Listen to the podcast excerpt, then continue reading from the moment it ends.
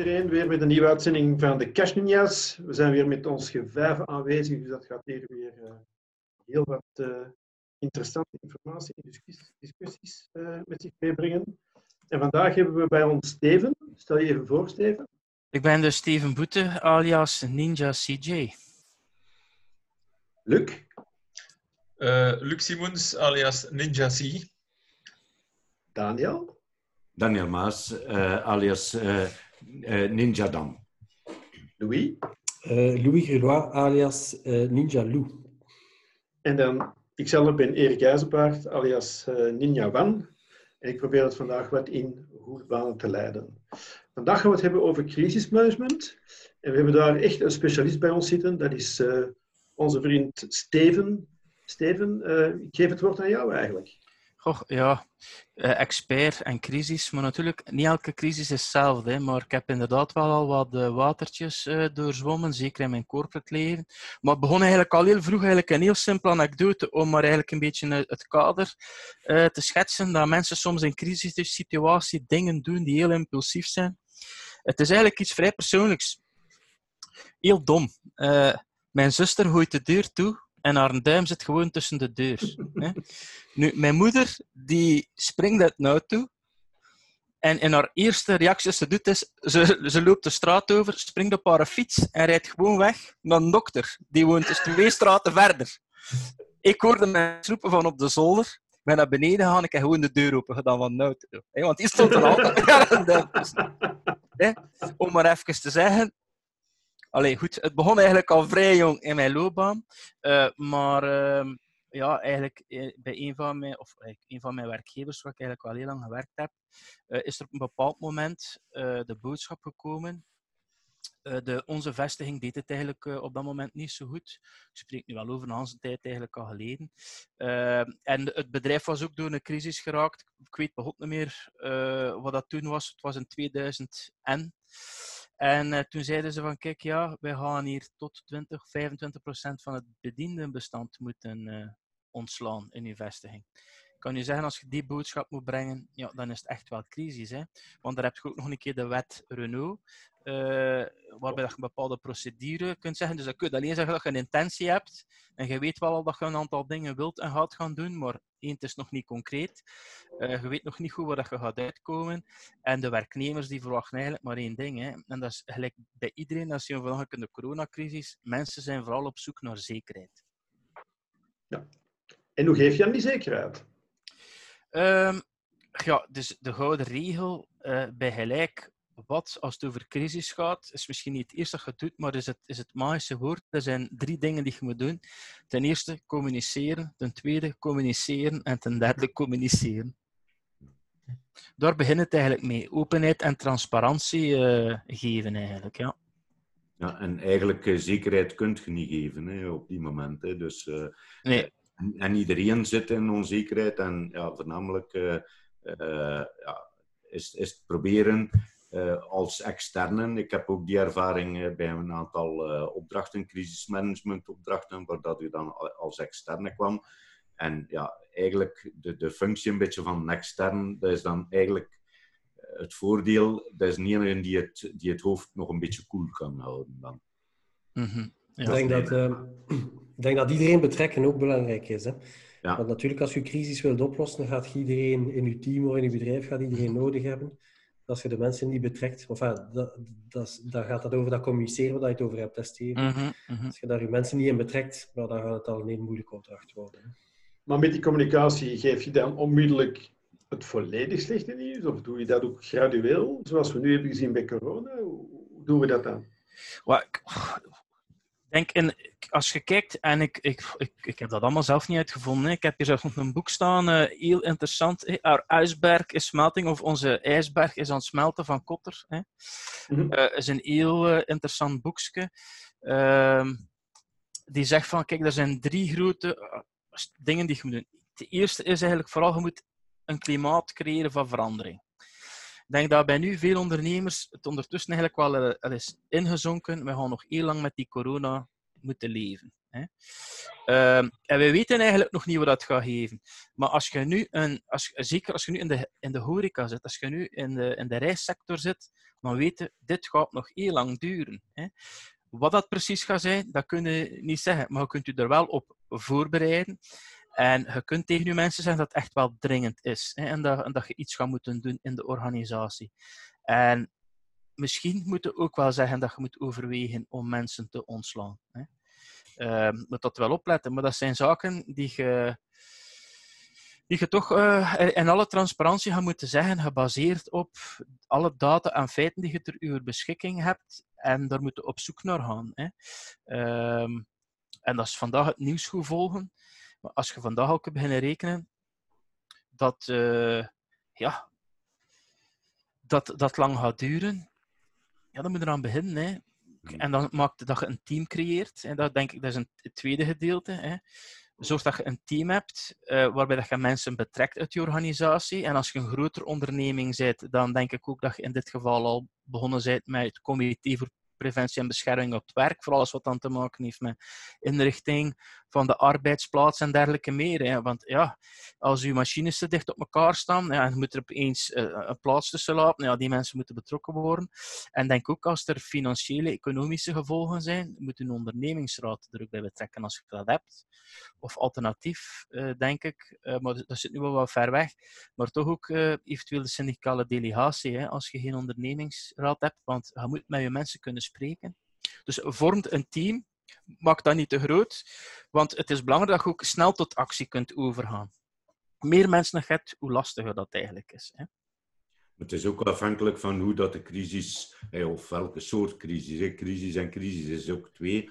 Ja. Uh, de ervaringen die ik had, uh, als ik dan van, van buitenaf kwam, in, in, in een aantal gevallen heb ik, uh, heb ik gehad, ja, daar was in een van de gevallen herinner ik mij, dat was de crisis dat eh, de, de week daarvoor, was, eh, voordat ik daar kwam, was gans de, um, het management van de business unit, de belangrijkste business unit van gans de groep, die was manu militari buitengezet door, uh, door het groepsmanagement met een batterij advocaten standtapeden aan de deur gezet wegens belangenvermenging. Dat was eigenlijk de crisis. Plus daarbovenop had gans de groep ook wel last van de financiële crisis. Ja, dan, dan, ik was daar e-, eigenlijk al als ad interim uh, finance manager. Ja, en ik was op dat moment, als mm -hmm. ik daartoe kwam, eigenlijk de hoogste man in charge op de business unit level. Dus uh, dat is een totaal andere insteek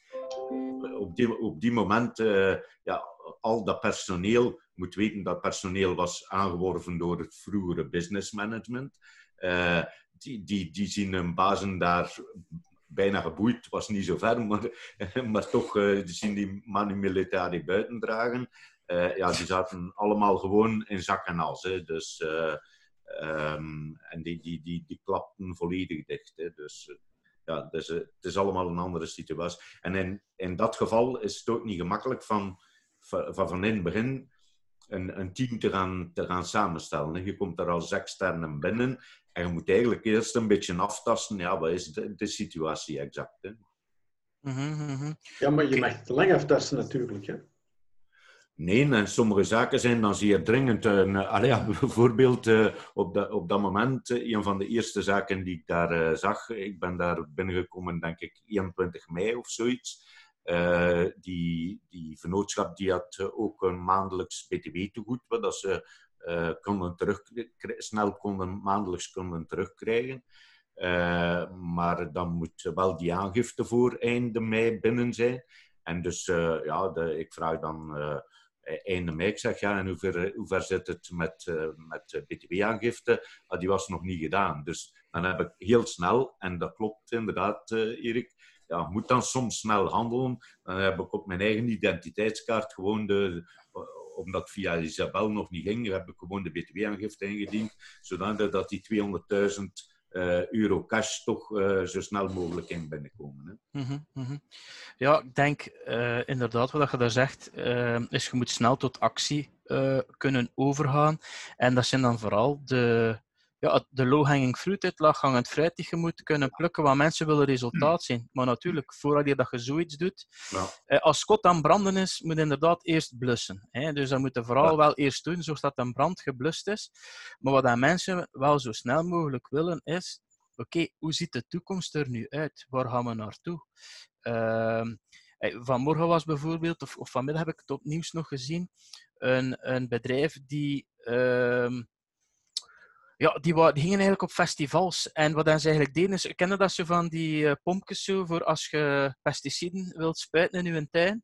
Wel, die hadden eigenlijk zoiets voor uh, ja, op festivals bier uit te schenken eigenlijk. En dan gingen ze daarmee rond. Mm. Maar natuurlijk, ja, dat ligt niet allemaal plat.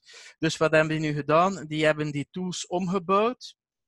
En uh, ja, daar zitten nu ontsmettingsmiddelen in. Dus die, die staan nu aan de ingang van een winkel. Of misschien aan, bijvoorbeeld, ja, stel dat je bijvoorbeeld op Arcelor werkt. Hè. Die staan mm. misschien dan aan de ingang als al die bussen samenkomen. Uh, iedereen passeert, kunnen een ander droog, kunnen dan op de volgende interne bus stappen om, om, door, te, om door te rijden. Allee, dus die hebben eigenlijk heel snel wel geschakeld. Maar die mensen, ik kan me inbeelden, dat moet een ongelooflijke schok geweest zijn. Je weet, die festivals gaan niet meer door. Die medewerkers willen weten, moet ik iets anders zoeken of iets niet. Ja, die zullen wel heel snel gezegd hebben tegen de mensen tot we staan, gasten, als wij van de jaar niets meer doen, hebben we een groot probleem. Hè. Uh, die hebben een team samengeroepen om te beginnen brainstormen. Die hebben dat uitgelegd. En je kunt u natuurlijk wel uh, inbeelden. Uh, de CEO waarvoor, voor, waarvoor dat ik gewerkt heb, die zei dat ook altijd. op het moment, als je achter u kijkt, en je staat eigenlijk op een afgrond en je zegt, moet nog één stapje achteruit, dan zijn mensen bereid om heel snel te veranderen en te schakelen. En dat hebben we nu ook gezien met die videocalls, hè, videogesprekken. Iedereen is ermee begonnen omdat het niet anders kan. Maar er zijn bedrijven die er jaren mee gesukkeld hebben om daar iets van, van ingang mee te vinden, ook thuiswerk. Hè. Um, dus dat is eigenlijk super belangrijk. Dus als je de toekomst al wat, wat duidelijker hebt gesteld, hè, uh, dus je hebt eerst gezegd waarom dat belangrijk is dat je eigenlijk iets doet. Hè? En iedereen begrijpt dat. En je hebt ook zicht gegeven op waar je naartoe gaat. is natuurlijk dat wel belangrijk dat je blijft herhalen uh, wat dat de nodige acties zijn, waarom dat, dat belangrijk is, zodat dat past in, beter, in het grotere geheel. En dat je ook mensen een mandaat geeft om te gaan uh, om te gaan handelen. Want je kunt niet alles alleen doen. Hè? Want dat is eigenlijk de bottleneck, denk ik, van heel veel ondernemers die je vandaag al hebt. Als je hen vraagt hoe is het, dan zeggen ze: Ik heb geen tijd. Ja, in, ja, crisis, in crisistijd komt het erop aan, nog meer dan anders. Hè? Maar eigenlijk gaat dat ook wel uh, standaard op is om te focussen. En in crisistijd moet je focussen op een beperkt aantal dingen, de zaken die essentieel zijn. En dan moet je ook maken dat de juiste beslissingen worden genomen en dat die ingevoerd worden. En ik denk dat dat dan de rol is van een ondernemer die kan werken met een team, waar dat Daniel zei van, ik heb het naar mij getrokken. Ja, oké, je moet ook een stukje loslaten naar mensen uh, dingen laten doen. Maar het moet wel de juiste beslissingen zijn. Hè? Maar voor alle duidelijkheid, eh, Steven, want ik heb eh, een beetje het, de indruk dat jij al iets in een iets stabielere fase zit. Ik heb je ook horen zeggen in het begin, als, mhm. dat zijn mijn ervaringen, kwam ik toe en dan het brand, het God staat in brand, liggen we dat gezegd. Maar het brandt overal. Hè. Er zijn overal brandharen. Hè. En, en dus in het begin kon ik niet anders, want ja, ja stond er een deurwaarder aan de deur. Dan belde die leverancier, ik ga blokkeren, ik ga niet meer leveren voordat je betaalt. Uh, dus iedere dag was dat, dat was, uh, ja, constant van s morgens tot s avonds telefoons, mensen die binnenkwamen, medewerkers die binnenkwamen. Hè, wat moeten we doen? En dat moet, uh, en dat moet uitgeleverd worden. Maar ja, de transporteur wil niet komen of, of whatever. Ja, dat is, dat is constant, dat was een hele dag constant branden blussen. Hè? Niet anders dan dat. Hè? De, zeker die eerste weken uh, in feite. En dan ook uh, een beetje delicaat. Het is nog een beetje aftoetsen. En wat ik daaruit ook geleerd heb, de eerste, en daar heb ik in al die opdrachten uh, ondervonden, de eerste die bij u komt en die zegt we moeten toch opletten, want dat is, dat de markt is instabiel uh, en, en zo verder. Ik, ik herinner mij zo'n uitspraak, dat was een, een, dat was, een, een, verkoopsman in Nederland, van de vestiging in Nederland. Ja, en de markt in Nederland is zeer onzeker met de geruchten en we mogen, moeten toch opletten en mogen niet te veel veranderen. Ah, wel, van die eerste die bij mij gekomen is, dat was na, na twee weken of zoiets, daar moeten we enorm van opletten. Want die wil niets veranderen, maar hoe is de crisis er gekomen? Je hebt dat er straks ook gezegd. Ja, door mismanagement of door miszaken die gebeurd zijn in het verleden. Eh, dus niet willen veranderen, uh, dat, is, dat is not done in zo'n situatie. Ja, in ieder geval, maar die coronacrisis is natuurlijk anders, hè, Daniel. Die is gewoon op iedereen gekomen en dat is geen kwestie van nu is er mee omgaan. Hè. En ik ben mee akkoord. Uh, je moet een soort van crisiscel hebben. Ja, een warroom, hè, echt een warroom. Uh, waarin dat waarin dat je bij manier van spreken met je team zit en waar dan al die zaken naartoe komen. En het eerste dat je moet trachten te doen is filteren van waar kunnen we op werken of niet. En heel veel tijd kopen. En tijd kopen kun je bijvoorbeeld doen naar je klanten om te zeggen van, kijk ja, ik zeg maar iets, hè, als er iets gebeurd is, dat je een communicatie uitstuurt naar die mensen. Hè. Mm -hmm. uh, bij je werknemers datzelfde mensen, we komen samen, we hebben een team gevormd, zeggen we dat je gaat doen, wanneer dat je een nieuwe update gaat geven. En dat, dat zorgt al dat al die vragen niet binnenkomen. Hmm. Of eh, als er toch vragen blijven binnenkomen, probeer ze dan te kanaliseren naar, stuur ze naar dit e-mailadres. Dat kan één iemand dat opvolgen. Dus je hmm. moet daar structuur in steken, structuur voor jezelf. Dat is, dat, dat is juist, maar in het begin, ja, als, als het overal brandt, dan kun je niet anders dan, dan branden blussen. En ook, er zijn altijd een, een aantal mensen, dus moet inderdaad op termijn moet je dan een team gaan bouwen, hè, als er nog geen is. Dus eh, als je niet vanuit een bestaande situatie kunt vertrekken, waar dat je een aantal vertrouwenspersonen hebt in, in de onderneming die meedenken daarmee. Maar dan moet, je, in begin, dan moet je dat uiteindelijk gaan opbouwen, een keer dat je een beetje stabiliteit eh, begint te krijgen. Dus daar volg ik je in. Maar in het begin, het is ook niet zo evident dat iedereen onmiddellijk volgde ik herinner mij zeer goed uh, op een gegeven moment in, in die onderneming, en die was al tientallen jaren in zware mhm. financiële moeilijkheden. En uh, dus Nico, ik was daar samen met Nico, hij was uh, in het begin ad interim CEO dan na een tijdje, en ik ad interim CFO.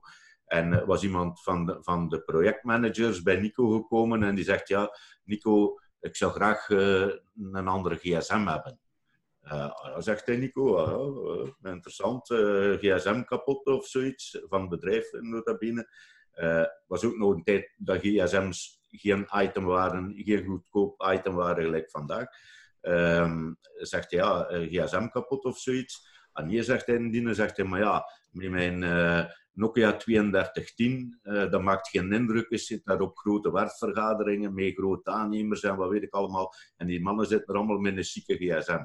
Ah ja, zegt hij Nico, ah, je rijdt met een bedrijfswagen zeker, hè, zegt hij Nico. Ah ja, zegt hij in, een Passat zeker, uh, Passat uh, variant uh, of zoiets. ah ja, zegt hij niet. Zegt hij Nico, weet je wat ik zou doen? Zegt hij, ik zou mijn Ferrari kopen, zegt hij. Dat gaat indruk maken op die vergaderingen. Maar zegt hij, voor alle duidelijkheid, jij koopt hem en ik, ik betaal hem 30 frank, het was nog in Belgische frank, 30 frank de kilometer terug. Hè. Er is nooit meer gesproken over die gsm. Hè. Dat, dat bewijs van een anekdote. Dus ik wil maar zeggen, niet iedereen stapt zomaar mee in dat verhaal. Hè.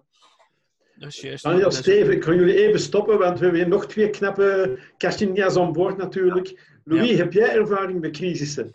Wel, um, de ervaring die ik heb, eh, want daarnet sprak Steven over communicatie, communicatie, communicatie. En we hebben nu gesproken over intern en een team vormen enzovoort. Uh, maar we mogen natuurlijk niet vergeten van te communiceren uh, naar de buitenwereld toe.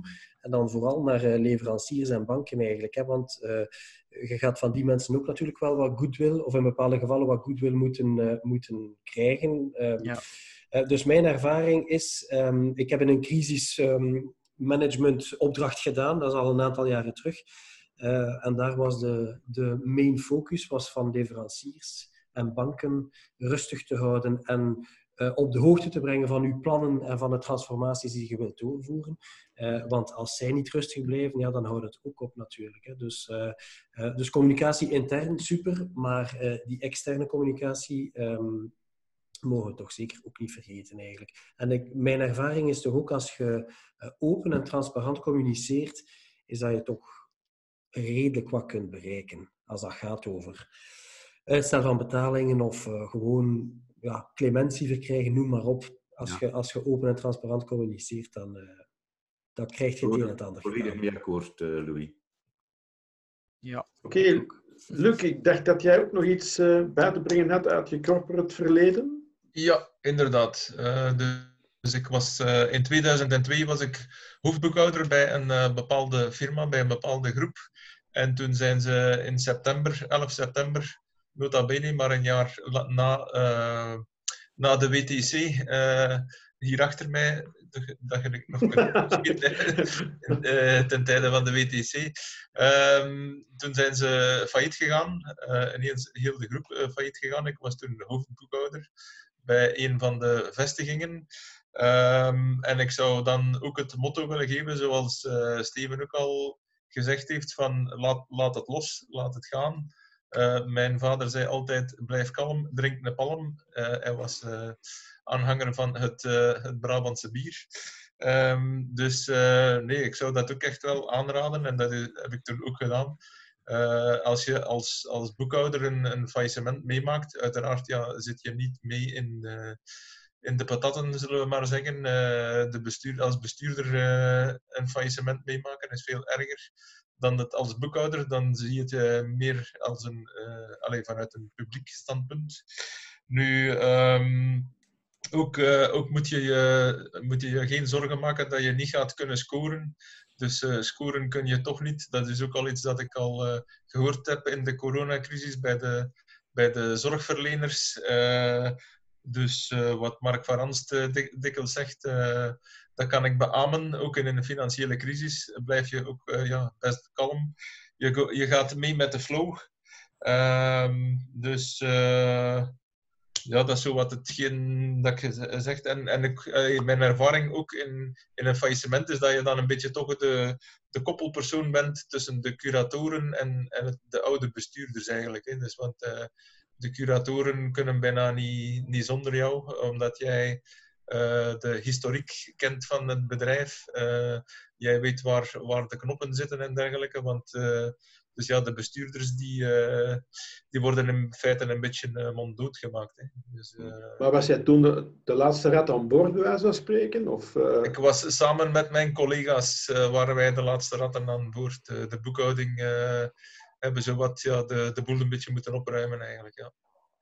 Maar er is niks uit het faillissement gekomen, dus het is failliet gegaan en dat was het. Mhm. Er is geen opstart gebeurd? Of... Uiteindelijk zijn ze terug overgenomen door, een, door een buitenlands bedrijf. Dus maar uh, het, het, het, bedrijf zag er totaal anders uit eigenlijk. Uh, dus ik wil ook niet meer in detail treden. Uh, dus maar allee, dus de, ook de samenwerking tussen mij en, en de nieuwe bestuurders verliep eigenlijk ook niet zo goed. dus vandaar dat ik ook de, het besluit genomen heb van, van een jaar later te vertrekken bij dat bedrijf. Maar nu, nu je dat hebt meegemaakt, de ervaring die je hebt, zou je het nu anders doen wat je toen hebt gedaan? Of? Uh, nee, ik zou het niet anders gedaan hebben. Ik, ik vind ook dat je de plicht uh, moet hebben, uh, zoals een zorgverlener, als boekhouder, dat je ook het verhaal mee moet, moet kunnen afsluiten of in, mee in goede banen leiden. En, en eigenlijk ja, meer vanuit een neutraal standpunt, maar toch je, kennis, je kennis en je ervaring gebruiken om, om, om het bedrijf ja, goed van de ene van de ene eigenaar naar de andere te laten overlopen. Ja, ja. Oké, okay. Steven, ik kom nog eens even terug op jouw communicatie, communicatie, communicatie, maar het is nog altijd niet heel duidelijk voor mij. Als je communiceert, communiceer je nu van begin af aan het volledig slechte nieuws, of doe je dat in die stap? Want je zegt langs de ene kant er moet duidelijkheid zijn, maar ik kan mij toch moeilijk uh, inbeelden dat als je 30 mensen hebt werken en je zegt in het begin van ja, dan moeten van tien mensen afscheid nemen. Ga je dan zeggen, het zijn die tien? Of ga je dan nog een beetje de lucht brengen? Hoe doe je dat als, ik, als ik zeg communiceren, communiceren, communiceren, is het in eerste instantie beginnen communiceren over de urgentie. Zeggen waarom dat belangrijk is en, en, en waar dat je voor staat. Gewoon op basis van de feiten. Daarmee kan je de uitkomst nog niet. Maar zeg dan wel, jongens, dat is het. Onze omzet is gewoon gezakt met dit. Uh, zoals dat er nu voor staat, heb, uh, heb, ik een inschatting gemaakt dat dat gaat evolueren en dat gaat terugvallen ergens tussen uh, dat gaat op 30% blijven of dat gaat ergens tussen 75% blijven. En we gaan, ons, we gaan ons moeten aanpassen aan die situatie. Punt. Daarmee heb je niets niet gezegd wat de consequenties zijn. Maar het begin, gaat wel beginnen inzinken bij de mensen dat er iets moet gebeuren. En dat is het eerste wat je moet, moet, moet, moet verkrijgen. Dat mensen bereid zijn om, om mee in beweging te gaan eigenlijk met u. Oké, maar dan zou ik zeggen, als ik dan jouw personeelslid zou zijn, van ah, de omzet is met 30% gezakt, dus er moeten 76% van de mensen weg. Ik zou mijn hand opsteken en zeggen van, uh, en wie moet er allemaal weggaan? Uh, dan denk ik dat je daar eerlijk moet over zijn. En zeggen van, als je het al op voorhand weet, hè, want natuurlijk 70%, uh, eh, de vraag is ook natuurlijk hoe lang gaat het duren en noem maar op. Hè. Wat zijn, wat zijn al mijn opties? Want je moet over al die opties ook na, nadenken. Maar als dat een, een, een mogelijkheid is die je effectief overweegt en zegt van, ja, misschien moeten we dat doen, dan moet je ook zeggen, ja, misschien gaat dat wel moeten gebeuren. Daar kan ik nu nog niet op antwoorden. Vandaar dat ik eigenlijk een team wil samenbrengen, uh, want ik wil niet alleen op mezelf, want je mag niet beginnen met vermoedens en, en noem maar op. Probeer het ergens wat meer objectief te maken. Hè.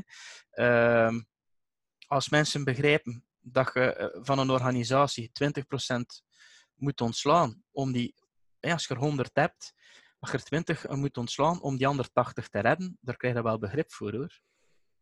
Behalve bij de 20 natuurlijk. Ook bij die 20. Die snappen ook wel, uh, die snappen ook wel dat er iets moet gebeuren. Wat dan natuurlijk wel is, is dat die en zeker als je met 100 uh, eh, hebt, dan zitten er wel met procedure collectief uh, ontslag. Ja, ja. Die willen natuurlijk wel zo snel mogelijk weten van, ja, wie wel en wie niet. Uh, ja, en dat is dan te kijken hoe snel dat je kunt schakelen. Nee, zijn gebonden door wetgeving of niet? Als je niet gebonden bent door wetgeving, kunnen natuurlijk heel sneller gaan.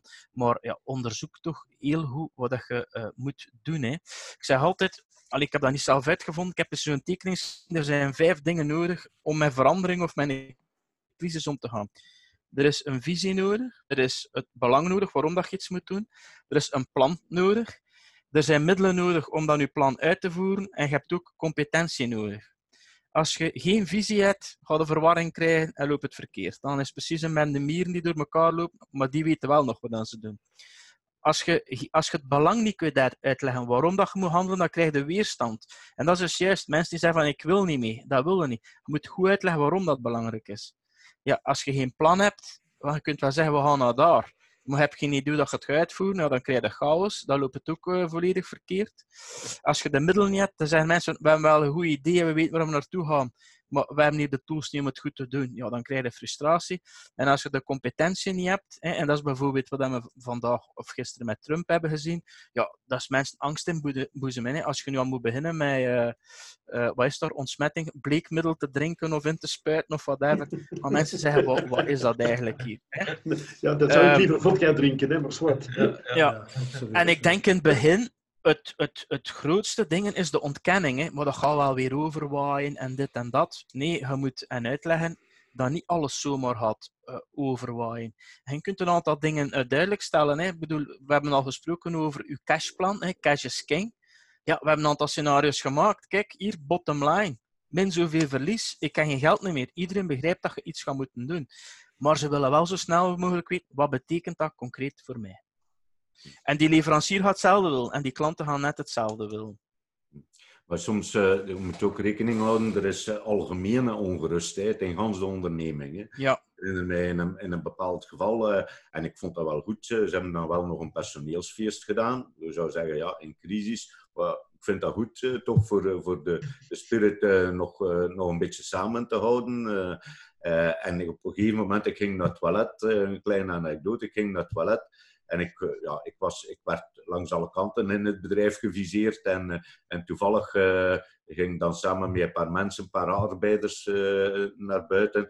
En, en een man die, sprak, die had ook de durf om mij aan te spreken en die zegt: Het ziet er niet goed uit, zeker voor ons. Ik zeg, voor u waarschijnlijk wel. Voor de arbeiders waarschijnlijk wel. Want als we hen niet meer hadden, dan hadden we geen productie meer. Ik zeg, maar ik denk dat het probleem ergens anders zit. En die man die was, die was, ja, die was een beetje gerustgesteld. Dus, ja, en dat is het, wat je zeker moet doen. Hè.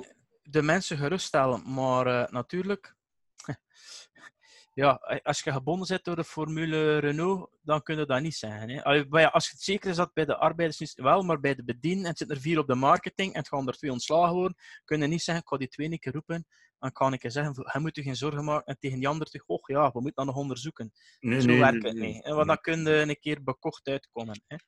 Uh, maar bijvoorbeeld, wat dat ook belangrijk is, denk ik, uh, ik zal het voorbeeld geven. Uh, op een bepaald moment hadden wij een uh, legale entiteit opgericht in het buitenland. die was een jaar, jaar en een half actief. En we hadden ook een van onze grootste concurrenten overgenomen. Maar in die nieuwe, en, en dat was concurrentie van die nieuwe vestiging. In die nieuwe vestiging werd er ongeveer, denk ik, in productie ja, tussen de 20 en de 40 mensen. Ik weet het niet zo goed meer. Hè. Maar het is indien een trend, maar wereldwijd bij die concurrent duizend werknemers. Crisis slaat toe ja, wat zeg? Die gasten met duizend man hebben een kenniscentrum. We gaan die vestiging terug moeten sluiten of reduceren. Productie stopt ermee. Uh, ik had ook uh, iemand in mijn team op de personeelsafdeling. Ja, dat was Slovaaks. Ik spreek geen Slovaaks, hè, dus ik heb eigenlijk ook tegen de persoon van de HR-afdeling gezegd: kijk, laat eerlijk zijn. Uh, als er binnenkort eigenlijk alleen nog mensen gaan werken op de klantendienst en in de verkoop, ja, voor tien mensen heb je geen HR-manager niet meer nodig. Hè. Maar ik denk dat je dat eh, ook bij andere functies kunt stellen, ook met je financiële afdeling. En ik moest op haar beroep doen om mij te, om mij helpen, lokaal. En ik heb er ook gevraagd van, wilde jij dat doen of niet? Het enigste voordeel dat je net is dat op je cv staat dat je ervaring hebt, maar het zou moeilijk zijn, we hadden je eigen collega's moeten uh, ons ontslaan. Ik heb er wel direct bij gezegd wat wij dat we de mensen eh, fair wilden behandelen en dergelijke meer. Maar als die mensen zeggen, ik zie dat niet zitten, en dat is het advies dat ik toch ook wel zou willen geven aan veel ondernemers, betrekt er dan misschien toch een externe bij. Want dat is ook wat Daniel nu zegt. Oké, daar was volledig management al ontslagen. Maar ook, je moet ook wel zeker zijn dat mensen willen meewerken. Als je zegt van, ja, maar ja, ik ga zelf dit moeten doen, of ik ga achteraf niet kunnen blijven, gelijk bijvoorbeeld in Ninja C. Uh, Luc, waar je zegt van, ja, ik ben er gebleven als last man standing, hè, de laatste rat uh, op de boot. Goed, maar als je zegt, ik zie daar niet zitten, direct zeggen van, oké, we gaan iemand anders pakken, ik begrijp het, en trek een externe uh, specialist binnen via interim management of contacteer Ubion. Hè. Het, het, inderdaad, het klopt. Het, voordeel, het voordeel als externen is dat je daar uh, zonder kennis van alle wandelgangen en alle historie en, en zo binnengekomt en je komt eigenlijk op een verse lei. Je brengt ook uh, andere ideeën mee. Terwijl dat je ja, soms, soms is, heeft het bijgedragen tot de crisis dat, dat men vastgeroest zit in bepaalde systemen. dat, is, dat moet zo en zo, omdat we het altijd zo en zo gedaan hebben ja, zo en zo, dat we het altijd gedaan hebben, heeft er wel toe geleid dat we in een crisis zitten uiteindelijk. Dus, en, en dan brengt het verse ideeën binnen als je inderdaad iemand van, van extern kunt binnentrekken.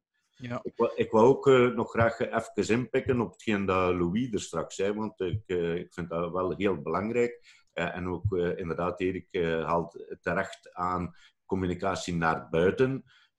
En ik heb het ook al in, in een vorige, vorige, podcast al een keer gezegd. Heel belangrijk om inderdaad de banken mee te trekken in uw verhaal. Niet alleen de banken, maar alle externe uh, schuldeisers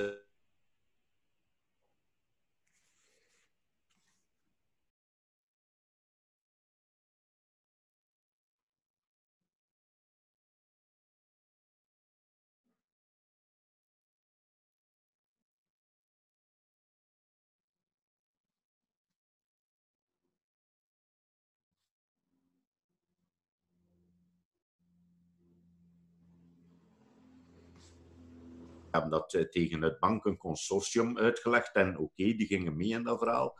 We hebben dezelfde presentatie uh, gedaan dan uh, naar de kredietverzekeraars. En die waren niet helemaal, die zeiden in ons gezicht, ja, ja, oké, we begrijpen het en oké, dat ziet er goed uit. Maar na de hand hebben ze wel alle kredietlimieten bij onze leveranciers gehalveerd. Hè. Dus dat zijn, daar moet zeer voorzichtig mee omgesprongen worden ik zou nog een puntje willen zeggen over externe communicatie. En uh, meer bepaald over dat je ook voor, voorbereid moet zijn op vragen die je van buitenaf kunt krijgen. Als je nu kijkt wat er met Torfs gebeurd is, hè, ik weet niet of je daarvan weet, maar die hebben eigenlijk ondertussen een aantal mensen ontslagen. Ik geloof 24 of 20. Wie, sorry, wie Torfs. Torfs. Torfs. Dus van de eh, schoenenman. Ja, van de schoenen. Nu, oké, je kunt er wel inbeelden dat Torfs een bedrijf is met wat structuur. Dus dan zal er een communicatiemanager zijn en noem maar op. Dus als morgen ATV voor de deur staat of AVS, omdat ze gehoord hebben dat je eigenlijk eh, vier of vijf mensen uh, ontslagen hebt, in één keer weet iedereen het. Hè ja, er zijn er toch de eerste, is dat het eerste bedrijf zijn in, in het industriepark in uw gemeente eh, die overgaat tot een ontslag bijvoorbeeld. Eh, en, en moet het, moet het? Of die zegt van, we gaan de winkel niet meer open doen. Hè. Uh, ja, dan, dan staat het daar. Hè. Dus dat moet maken dat je toch ook op voorhand dan een keer nadenkt van, als we dit nu gaan doen, we gaan tot die actie overgaan, dat duidelijk is van, voor de persoon die de telefoons opneemt of voor de klantdienst, als je een telefoon krijgt van AVS, moet het naar een bedrijfsleider of naar die persoon doorsturen. Wat gaan we concreet zeggen? Hè? Uh, Tors wordt hier beschuldigd van, ja, maar ja, nu gaan er rap ergens wat mensen ontslaan. En dan zetten ze ondertussen op technische werkloosheid, een opzegtermijn. Want eerst dan technische werkloosheid, een opzeggingstermijn, die loopt gewoon tijdens de technische werkloosheid en die moet niets uitbetalen. Ja, dan krijg je Hans verhaal over je dak uitgegoten. Hè? En misschien was dat zelfs niet de bedoeling van Torfs en is dat gewoon een of andere ja, zeggen, bijwerking die er nu gewoon is, omdat de wet zo is. Mhm. Maar je krijgt het wel op je dak. Dat zijn eigenlijk allemaal dingen die je, dat je moet op voorbereiden. Hè. Is, is, en vandaar dat je op, met externe moet omringen. En zeker als het over heel grote dingen gaat. Uh, als je op tv bent gekomen, dan gaan je klant nu beginnen bellen. Oei, ja, ik zie dat je daar in de productie hebt ingegrepen. Uh, ga je nog wel kunnen leveren naar ons? Dus die brieven moeten klaar zijn vooraleer dat je dat uitstuurt. Hè. Dus maak je brieven op, je communicatie. En dan zeggen van, oké, okay, we, drukken, we hebben ze afgedrukt. We hebben hier iedereen intern uh, gecommuniceerd. En nu gaan die brieven massaal, of die een e-mail gaan gewoon buiten. Waarin dat je zegt van, kijk, ik ga je opbellen. Uh, en, en, specifieke brieven hè, voor je top 10 klanten. Je gaat een telefoontje geven en gaat het zelf zeggen van kijk, we hebben dat beslist, dat gaan we nog doen. Je moet je geen zorgen maken. Uh, we, je kunt op ons dienstverlening blijven uh, rekenen, maar het was nodig om iets te doen. En een andere groep gaat misschien gewoon een e-mail krijgen waarin dat je zegt, als je vragen hebt, moet je mij bellen. Allee, dat zijn zo de zaken die je moet gaan doen. Ook naar je leveranciers dan terug. Hè.